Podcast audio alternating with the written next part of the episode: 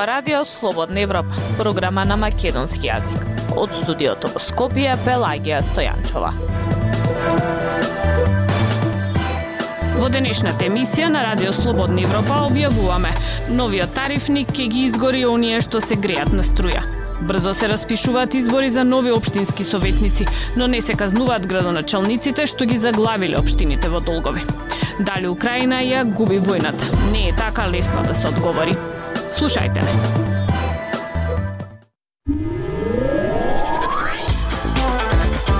Независни вести и анализи за иднината на Македонија. На Радио Слободна Европа и слободнаевропа.мк.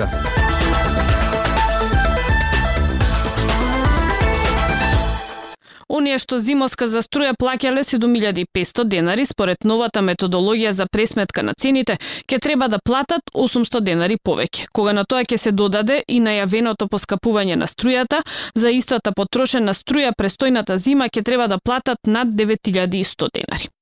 Среген Стојанчов. Четричлено семејство со две мали деца кое живее на кат од куќа од 80 квадратни метри во Скопје во март годинава платило струја од 7.500 денари. Семејството се грее со инвертор клими. Според новата методологија за пресметка на цената на струјата би требало да плати над 8300 денари, односно скоро 11 од 100 поскапо. Ова го покажува пресметката на калкулаторот објавен на Регулаторната комисија за енергетика.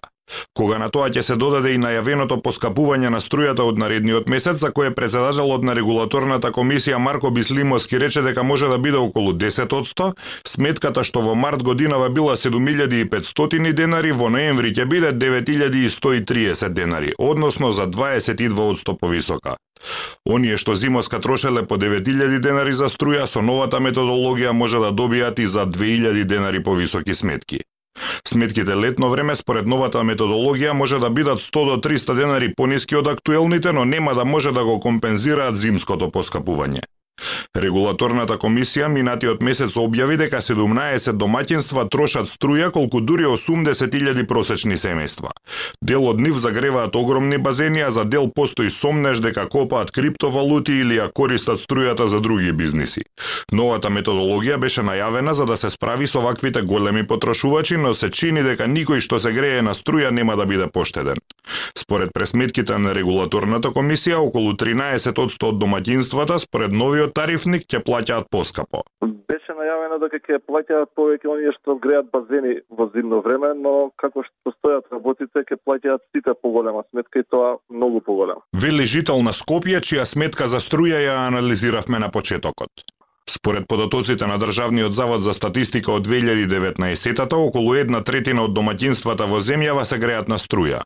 Професор Константин Димитров вели дека кога нема доволно домашно производство на струја и таа се купува по високи цени од странство, нема начин струјата да не поскапи. Политичка мерка ова не го решава проблемот, ќе си плаќаме поскапо, тоа А цената ќе поскапи, ова беше малку да се смири народ, ќе значи бидете мирни, нема алтернатива ќе поскапи. Регулаторната комисија пред десетина дена најави нов тарифник за пресметка на цените. Нема да има промени во начинот на пресметка на ефтината струја, но на место една тарифа во скапа струја како досега од наредниот месец ќе има неколку тарифи. Тие што трошат повеќе ќе плаќаат поскапо. Потрошената струја до 210 киловат часа во скапа тарифа месечно ќе се плаќа 35% поевтино од сега. Потрошувачката меѓу 210 и 420 киловат часа ќе биде со цени слични на сегашните, меѓу 420 и 630 ќе биде поскапа, а секој киловат час над границата од 630 киловат часа скапа струја месечно ќе биде многу поскап и ќе биде по слична цена со индустријската струја. Слободна Европа. Следете на на Facebook, Twitter и YouTube.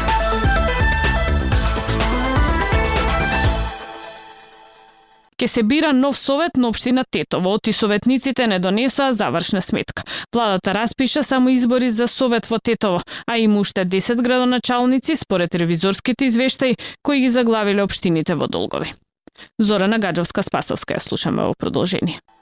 Официјално, причините за распишување на избори за нови советници во општината се поминати рокови за донесување на завршна сметка, во која, според зборовите на независните советници во оваа општина, не биле содржани клучните информации за потрошените пари на предходната градоначалничка Теута Арифи и последниот квартал од годината кога за општинската каса бил задолжен актуелниот градоначалник Бил Касами. За независните советници суштината е во како што велат сумнителната завршна сметка со која од нив се очекувало без детални информации за потрошените пари да ги минуваат долговите кои биле предходно направени. Има финансиски проблеми долго години општина Тетово и цело време функционирало со голем долг и затоа е, ние не сакавме да гласаме некоја си сомнителна завршна сметка, бидејќи цело време за нефункционалноста на општината ние се се повикувавме на долгот и на таа блокирана сметка и во овој случај ако ако нема информации кај отишле тие пари и како биле злоупотребувани, нема логика тогаш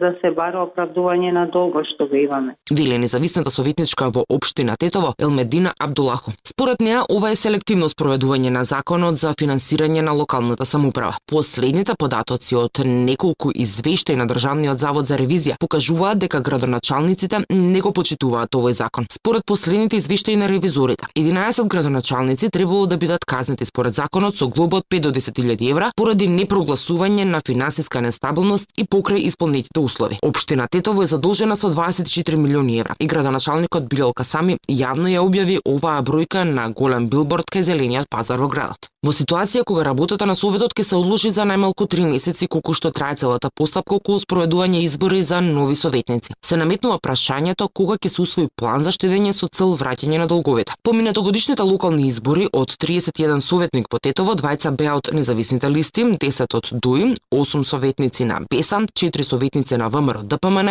3 советници на Алијанса за албанците, 2 на СДСМ и 2 на ДП. Бројот на советници од коалицијата на власт и коалицијата на опозицијата се изедначи, откако не успеа да изберат уште еден советник на местото на неговиот предходник кој се даде оставка. Со ваква партиска поделеност независните советници играат клучна улога во донесување на општинските одлуки. Политичкиот аналитичар Джелал Незири вели дека од минатогодишните избори досега не се направени сериозни промени во општината кои би инспирирале граѓани да излезат на нови избори да гласат гласаат и да направат сериозни политички поместувања на силите кај поголемите партии. Но додава дека малата излезност на изборите што се очекува ќе им остави одлучувачки глас на симпатизерите на големите политички партии и оние кои имаат корист од партиите, па тоа остава ризик независните советници да ги загубат позициите. Граѓаните се тие кои што ќе ги платат фактурите на овие политички игри помеѓу партиите на локално ниво. Во овој период мислам дека општината ќе биде парализирана. Тоа може да биде алиби за градоначалникот дека заради ова не можел да ги реализира ветените проекти. Тој додава дека тоа што може да се очекува во оваа ситуација е само непотребно трошење на јавни пари за избори кои што се непотребни. Дайте ни 15 минути и ние ќе ви го дадеме светот. Слободна Европа.мк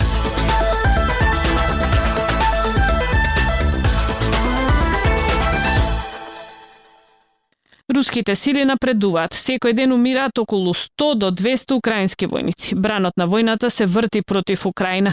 Киев вели дека единствениот начин да се врати назад е што побрзо да добие повеќе западно оружје. Пренесува Гоца Танасов. Поради засилениот ракетен оган и промената во руската тактика и команда, бранот на војната се чини дека се врти против Украина. Додека Киев вели дека единствениот начин да се врати назад е побрзо да добие повеќе западно оружје. Не е така лесно да се одговори дали Украина ја губи војната. Ако со губење мислите дека Украина не изгледа дека може да ја врати својата територија и да ја изврка Русија од собствената територија, тогаш да, тоа е фер проценка, вели Скот Бостон, поранешен екс-американски полковник кој ја проучува војната во Украина. Други експерти исто така вела дека зависи од тоа како го дефинирате губењето. Може би изгледа песимистички, но во реалноста, ако ја погледнете мапата, погледнете во Донбас, не можете да најдете многу промени и покрај огромната концентрација на руските сили, вели Михајло Самус, заменик директор на Центарот за армиски студии и разоружување во Киев, додавајки. Украинските сили имаат многу ефикасна одбрана. Она што можеме да го кажеме е дека Русија не успеа. Планираа да го добијат Киев за неколку дена. Тоа беше катастрофален процес. Тие донесоа многу лоши одлуки за нивните операции. Дефинитивно можеме да кажеме дека Русија стратешки не успеа, изјави тој. Во меѓувреме Русија ја преуреди својата команда, назначи единствен генерал за обединета команда и фокусира ресурси за земање повеќе терени во источна и североисточна Украина. Сега се чини дека Русија на бојно поле делува полека, постепено и стабилно.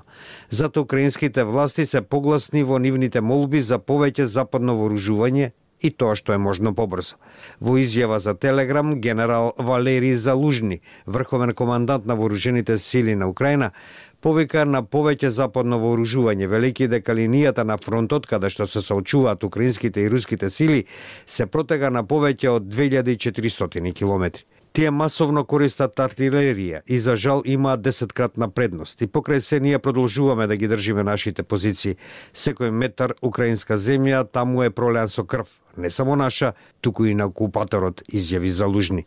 Во сегашното темпо на операции, украинските власти се обидуваат едноставно да најдат куршуми и гранати за да ги наполнат своите оружја.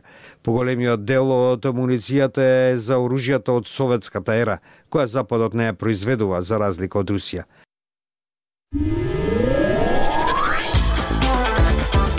Бидете наш гостин и посетете ја. Слободнаевропа.мк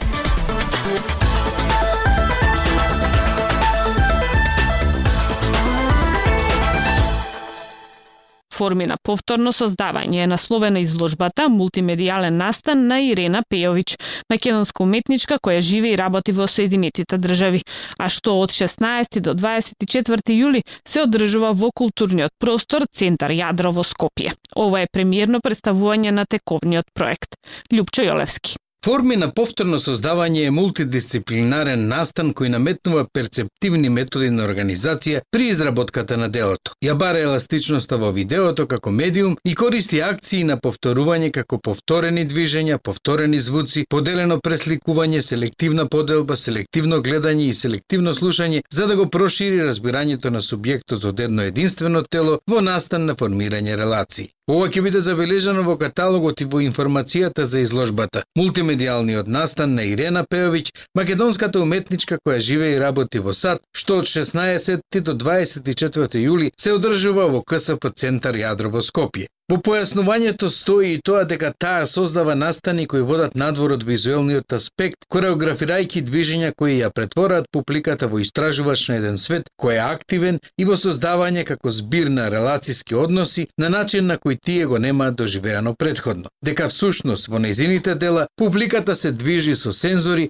користејќи вид, звук, навигација, чувство на текстура, боја, големина и е подвижна и неподвижна, односно дека тие, просторот и гледач играчот рамноправно учествуваат во изработката на настаните. Инаку, како што ќе забележи Пеович, методи на организација, перцепцијата како начин на организација, форми на повторно создавање е тековен проект која истражува перцепцијата како метод на организација и ја смета како намерна импровизација ни селективно постоење. Перцепцијата станува изведувачки чин на повторување во кој да се повтори значи да се следи настанот во формирање. Овој пристап им дава на содржината и формата флуидност во нивното значење и начините на создавање. Активира реципрочна врска помеѓу активното и активирањето. Го менува нашето разбирање за секоја материја како единствен настан, наместо тоа ни помага да го разбереме светот како настан на формирање релации. Нештата се секогаш активни во нивната перцепција. Луѓето се селективни слушатели, селективни гледачи. Често поминуваме покрај голем дел од она што е веќе активно и онемуваме дел од нашите сетелни искуства. Нашата перцепција е предводена од нашите цели, знаење, свест, определби и ограничувања. Ваквите предиспозиции произнесуваат важни прашања во врска со перцепцијата и светот што го создаваме низ нашите импровизирани и селективни процеси. На кој начин се селективното слушање, гледање и движење метод на организација? Какво доживување креираме со нашата перцепција? Како може да се направат неселективни средени во уметноста низ медиумите како што се видеото и фотографијата? Вели во својата изјава Ирена Пеовиќ. Уметницата и сотополна дека форми на повторно создавање се само дел од потрагата. Ја слушавте емисијата на Радио Слободна Европа, програма на македонски јазик. Од студиото во Скопје со вас беа Пелагија Стојанчова и Дијан Балаловски. До слушање.